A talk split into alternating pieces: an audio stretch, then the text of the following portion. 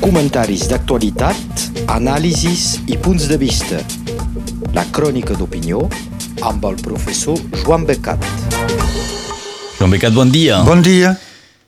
Començarem parlant de dones, dones i l'independentisme català. Sí, perquè Elisenda Pelosia acaba de ser reelegida presidenta de l'ANC, l'Assemblea Nacional de Catalunya.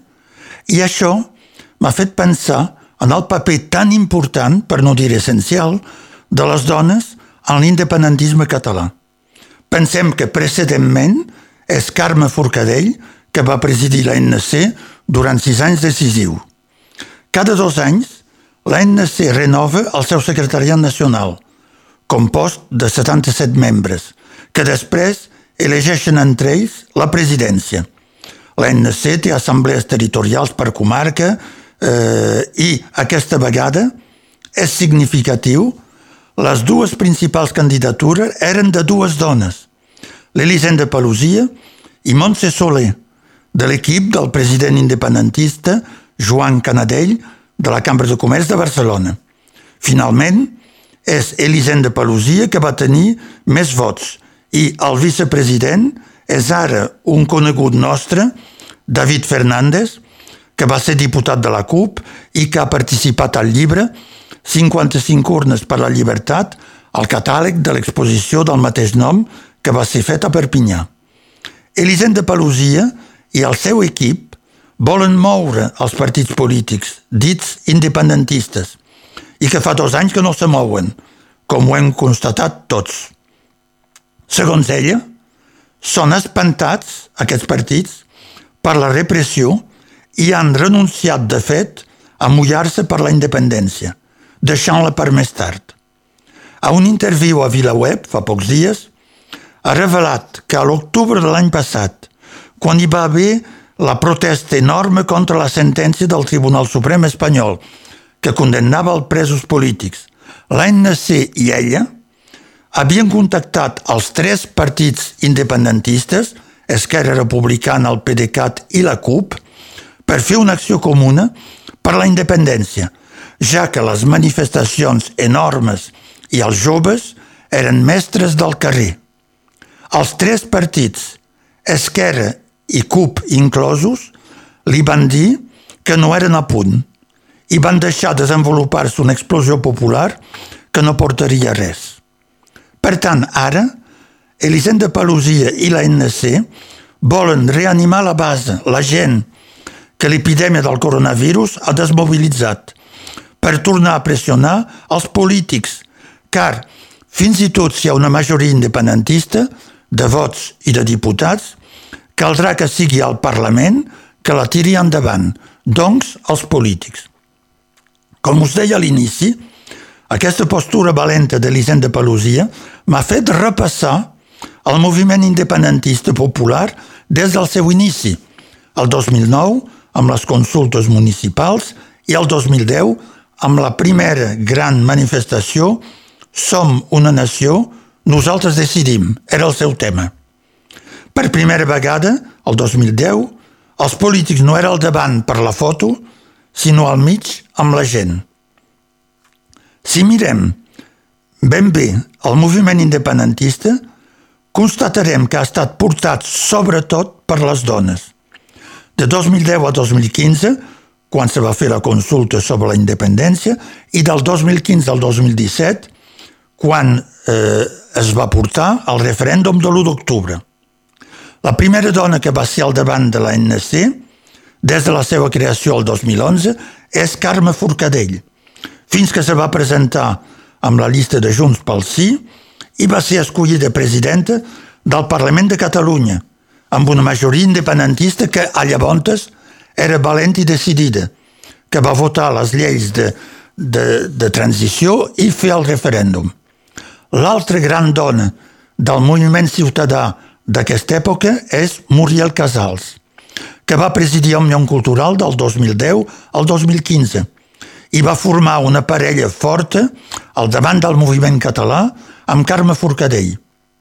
Però del 2010 al 2015 hi havia una tercera dona que va impulsar la independència. És Núria de Gispert, que presidia el Parlament de Catalunya. Va ser la primera dona a presidir el Parlament, fins que Carme Forcadell li succeís. Ella, Núria de Gispert, havia estat abans consellera de Justícia de la Generalitat i és ella que havia introduït dins el Codi Civil català el reconeixement legal de les parelles de fet, homosexuals o no, abans que ho fes França o que ho fes Espanya.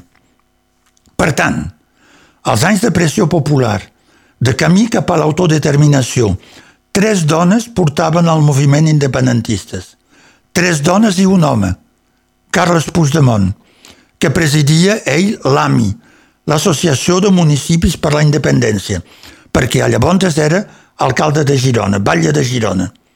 A notar que quan esdevé president de la Generalitat, Carles Puigdemont, és una quarta dona que li succeeix, Neus Llobera, batllesa de Vilanova i la Geltrú. Els dos anys següents, de 2015 al 2017, qui és que apretarà pel referèndum? Carme Forcadell a la presidència del Parlament i Neus Lloberes a l'AMI, que és ella que va prendre la responsabilitat perquè són els, el, els municipis que es van mullar i els alcaldes són ara a judici. I dos homes, Jordi Cuixart, a Òmnium, i evidentment Carles Puigdemont. Des de fa dos anys és Elisenda Pelosia, que és a primera línia i que s'hi quedarà per dos anys més. Se pot dir, doncs, objectivament, que el moviment independentista català ha estat portat per dones.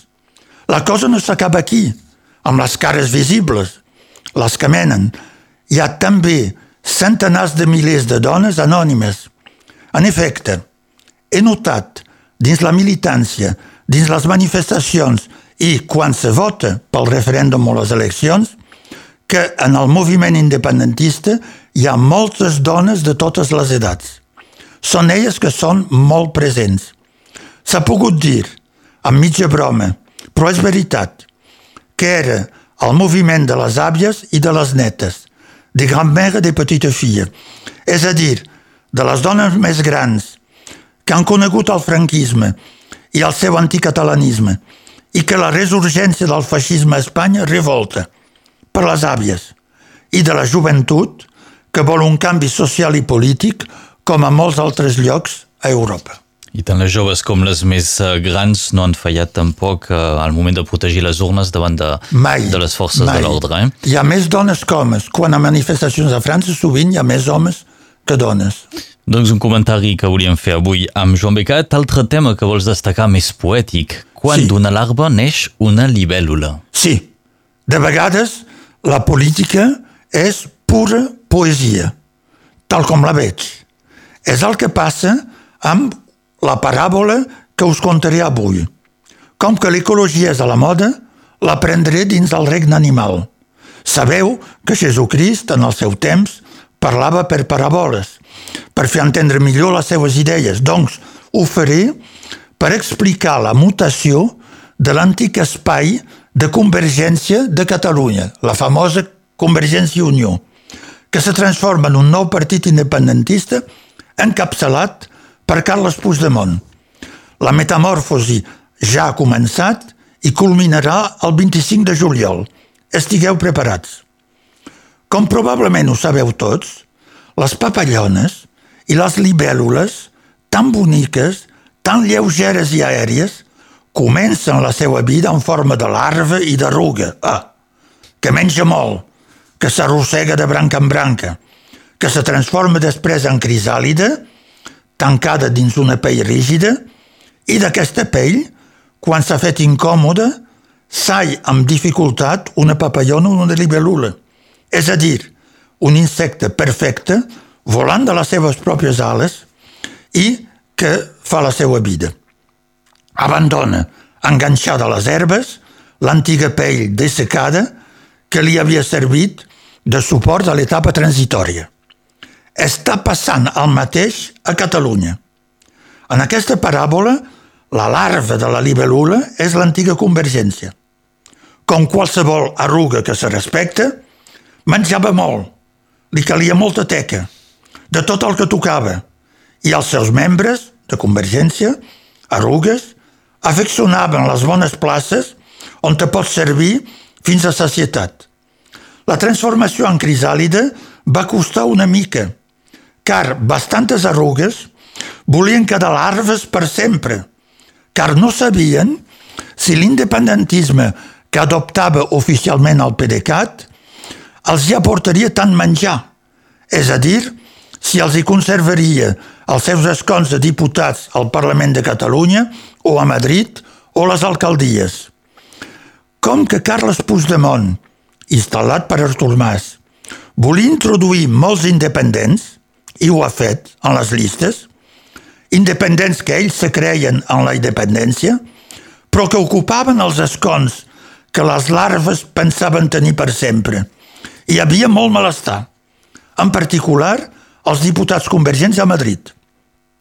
Com que calia fer descuidar els electors, els tiberis, les menjades de convergència, per exemple, el 3% o prevaricacions, el partit se va transformat en Partit Demòcrata de Catalunya, amb objectiu d'anar cap a una nova mutació. És la crisàlida. Ara, amb les eleccions que s'apropa, Carles Puigdemont vol liquidar la crisàlida, ensalla, liquidar el PDeCAT, transformar-lo i afegir encara més independents i gent vinguda d'altres horitzons. No vol més ambigüitat, ni diputats designats pel PDeCAT en la seva llista, car són aquests que l'han frenat durant els dos últims anys. Vol independentistes de confiança vinguin del PDeCAT o d'altres llocs. Pànic, pànic en les larves convergents, que no havien començat la seva metamorfosi. Unes quantes larves se separen i fonden un nou partit, imitat del Partit Nacionalista Basc, sabeu, el que menja demà del PSOE i del Partit Popular, sempre. Tant se val mentre hi hagi poder i inversions. I pren el mateix nom, és el Partit Nacionalista de Catalunya, creat el 27 de juny. Se diu nacionalista, però no ho creieu, perquè és difícil de dir altra cosa a Catalunya, no? Nacionalista significa que no és independentista. Hi trobem Marta Pascal, que s'oposava a la línia Puigdemont, i uns quants professionals de la política de l'època de Jordi Pujol, com Carles Campuzano, Lluís Recoder i altres del mateix estil. Se presentaran a les eleccions. Espero que se'ls hi passarà com a l'antiga Unió, que se va separar per no ser independentista, que se va presentar i no va tenir cap escó. Ara bé, el PDeCAT també fa resistència, perquè vol que Carles Puigdemont el li assegura el mínim vital, és a dir, la meitat dels escons. Es veu que eh, en la natura la crisàlide fa dejú per facilitar la metamorfosi, però la crisàlide pedicat vol sempre menjar, vol sempre teca. Fars de negociar i amb les eleccions probablement al setembre anunciades, Carles Puigdemont els presos i exiliats que els suporten. Jordi Turull, Josep Brull, Jordi Sánchez, Quim Fort, Lluís Puig, Toni Comín, altres membres del PDeCAT, altres persones, han decidit d'anar pel dret i de crear un nou partit, que serà real el 25 de juliol, en un congrés fundacional. És la libèl·lula que s'allibera de la pell de la crisàlida PDeCAT que li prohibia volar. El problema és el nom.